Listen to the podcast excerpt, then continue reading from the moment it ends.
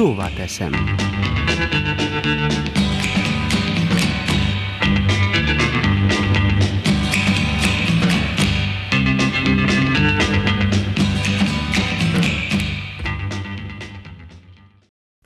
Azt mondják, nincs két egyforma gabona szezon. Minden egyes betakarítási évnek megvan a maga sajátossága. Az idei viszont turbulens esztendő, ilyenre még nem volt példa.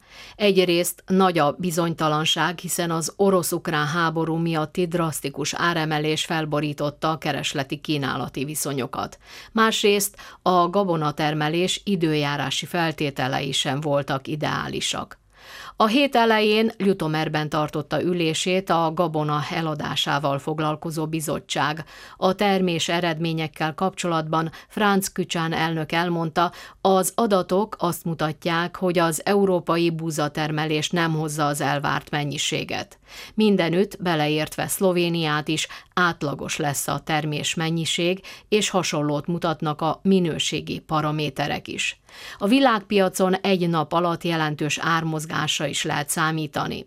Kucsán szerint a szlovéniai felvásárlókhoz azt az üzenetet továbbítják, hogy a szövetkezetekkel és más aktőrökkel tárgyaljanak a feltételekről, a minőségi mutatókról és a szerződésekről.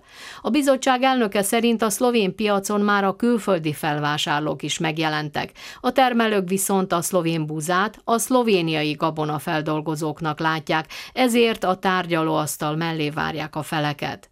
Idén 100 ezer tonna étkezési búzatermés hozam várható. Ezért a kormánynak azt javasolták a hét elején, hogy elővásárlási joggal a teljes készletet vásárolja fel, és évközben országos szinten értékesítse azt.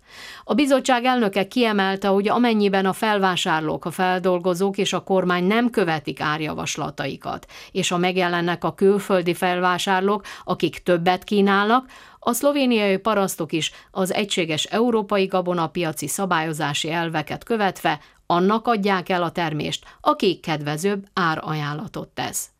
A bizottsága a legmagasabb A plusz búza minőségért 410 eurót javasolt tonnánként.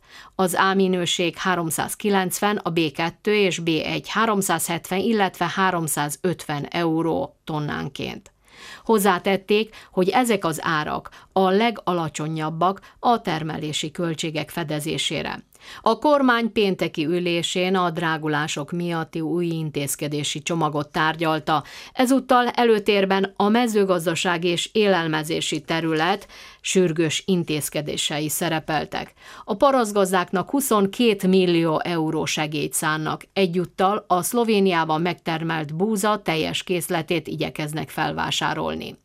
A kérdés az, hogy a gazdák jelentős része értékesíti-e a betakarítást követő időszakban a termést, vagy az esetleges átmeneti árcsökkenés idején nem adja el a gabonáját, hanem elraktározza, és a magasabb árak reményében később dobja piacra azt.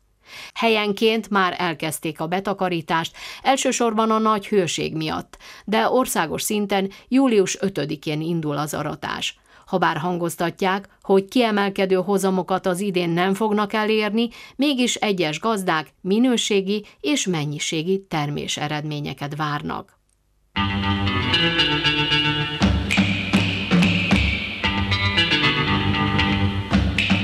Szóval teszem.